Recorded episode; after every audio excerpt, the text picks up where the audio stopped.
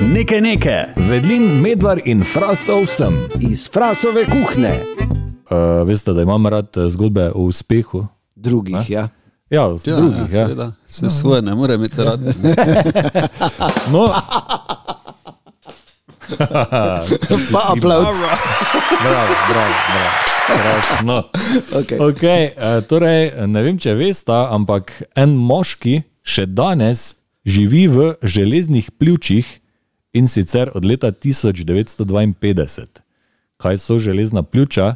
To je taka velika komora v obliki valja, v katerega gre človek, uh, celi not pa ima samo glavo ven. Ne? To so, uh, to so mimo grede po drugi svetovni vojni, tam v 50-ih, pa 60-ih, Ja. ja. so začeli cepiti, full otrok je bilo. Ne? To je bilo za, uh, takrat v 50-ih so jo veliko uporabljali pri otrocih, kot si rekel, zaradi otroške paralize. Točno, ne. Je- V bistvu je to pomagalo, v bistvu gre za komoro, v kateri se spremenja tlak in s tem stimulira dihanje. To je na grobo. Ja, in na srečo teh železnih pljuč mi več ne uporabimo uporabljati, zahvaljujoč se pivu, ki je Ja. pa, ne. No, uh, ta gospod pa še danes ima to komoro doma iz leta 52 in še vedno je not v njej. ne. Uh, zdaj zbolel je pri šestih letih, danes pa je star 74. Ja, kaj celi zdaj še živi. nut še. Čakaj, da ti razložim. Ne? Zdaj od otroške paralize so seveda otroci takrat mm, umirali, umirali masovno. uh, večino pa jih je tudi paralizirala. Ne? Paul recimo ni več mogel hoditi, ni mogel pogotniti hrane, tekočine itd., zato so ga pač morali dati v to komoro in otroci so potem ponavadi okrevali po nekaj tednih, mesecih, ne?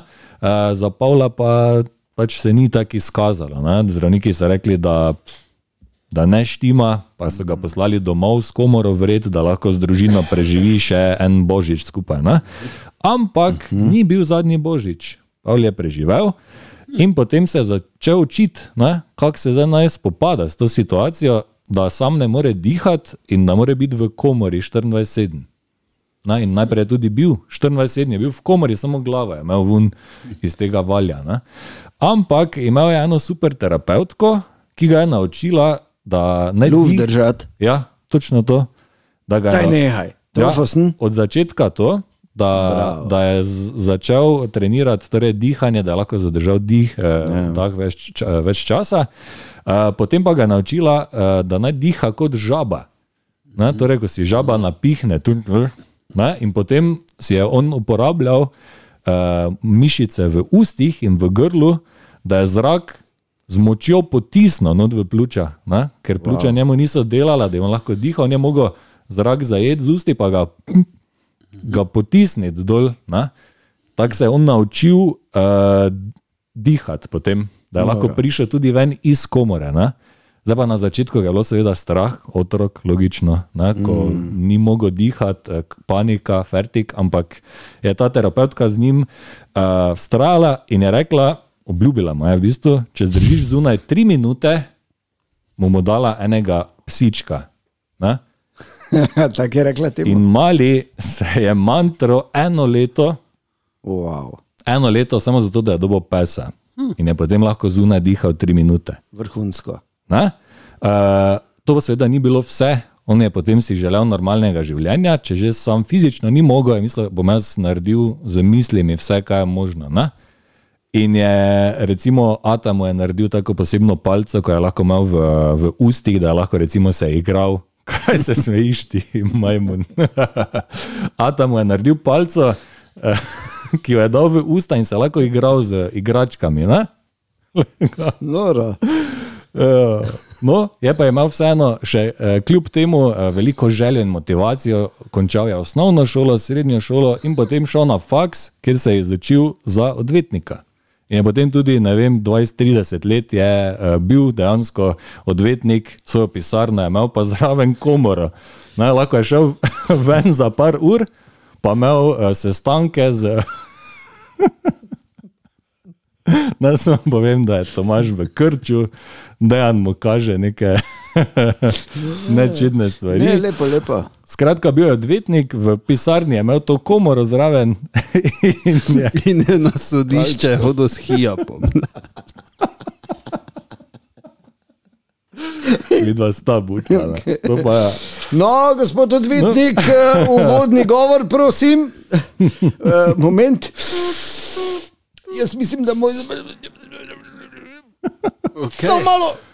Se pravi, je hodil ven. Lepo. Ja, pač hoditi ni mogel, ampak bil pa je veni, ne, pač na, no, ja, toliko, da ni bil zaprt not, Vrhunsko. Ves čas, ne. Vrhunsko. Na stara leta, uh, žal zdaj recimo, mislim, da je bilo pet let nazaj, 2015, je ta komora, ki je stara 70 ja. let, je ja. začela malo puščati pa to, ampak je našla enega majstra, ko je prišel z rezervnimi deli, ker tega ni več v uporabi, ne, mm. pa mu je uh, dal drugo komoro za fliko, popravo in jo lahko uporablja še danes naprej. Ne. In Lepo. zdaj se mu je stanje spet poslabšalo, tako, ker je pač starejši. Ti si ga prav raziskoval, vse. Ja, da ne more dihati in je zdaj pač spet v komori. Ne? Uh, ko jo je žalostni konec, ampak Aha. ne, on še ima vedno motivacijo. Rekel, vredo, te pač jaz moram zdaj ležati tu, vsak dan bom jaz napisal knjigo o tej moji izkušnji. In kak človek napiše knjigo, ko mu samo glava vun štrli iz komore. Ajo, Narekuje. Ne. Ghostwriter. Na komoro so mu nastavili, predstavljate si, v valju leži on na hrbtu, pa ima samo glavo ven. Uh -huh. Tako da so mu na vrh komore montirali ogledalo, uh, potem pa je on lahko gledal pač od vsega do gledala dol nazaj na mizo, ki je bila za njegovo glavo. Ne? Potem pa si je svinčnik pritrdil na neko celko, ki jo da v usta in je on pisal knjigo 8 let.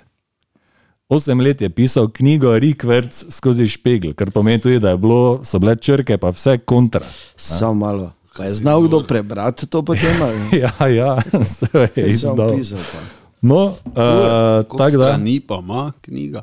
Ne vem, tega pa nisem prevedel. No. Ampak ja, napisal je pač to svojo izkušnjo, kako se je pač boril s to boleznijo, pa kako se ni vdal. In, uh, to je res taka zgodba, iz katere lahko potegnemo. Kaj, ja. Še torej danes živi gospod pri 74 v komori. Ja, zdaj ne gre ven, ne, mislim. Zdaj ne more več. No. Ja. Hmm. Samo, Ker mu ja. več čas mora pomagati, uh, dihati. To je zdaj taka zgodba, veš, da, da, ne, mislim, da ne moremo nadaljevati, ker je že bilo grozno dovolj do zdaj. Ne? Pohecati se ne moremo iz tega, ne, ne, ker nismo idioti. Um, tako da, hvala, Marko. Nekaj nekaj, vedlin, medvard in frasov sem iz frasove kuhne.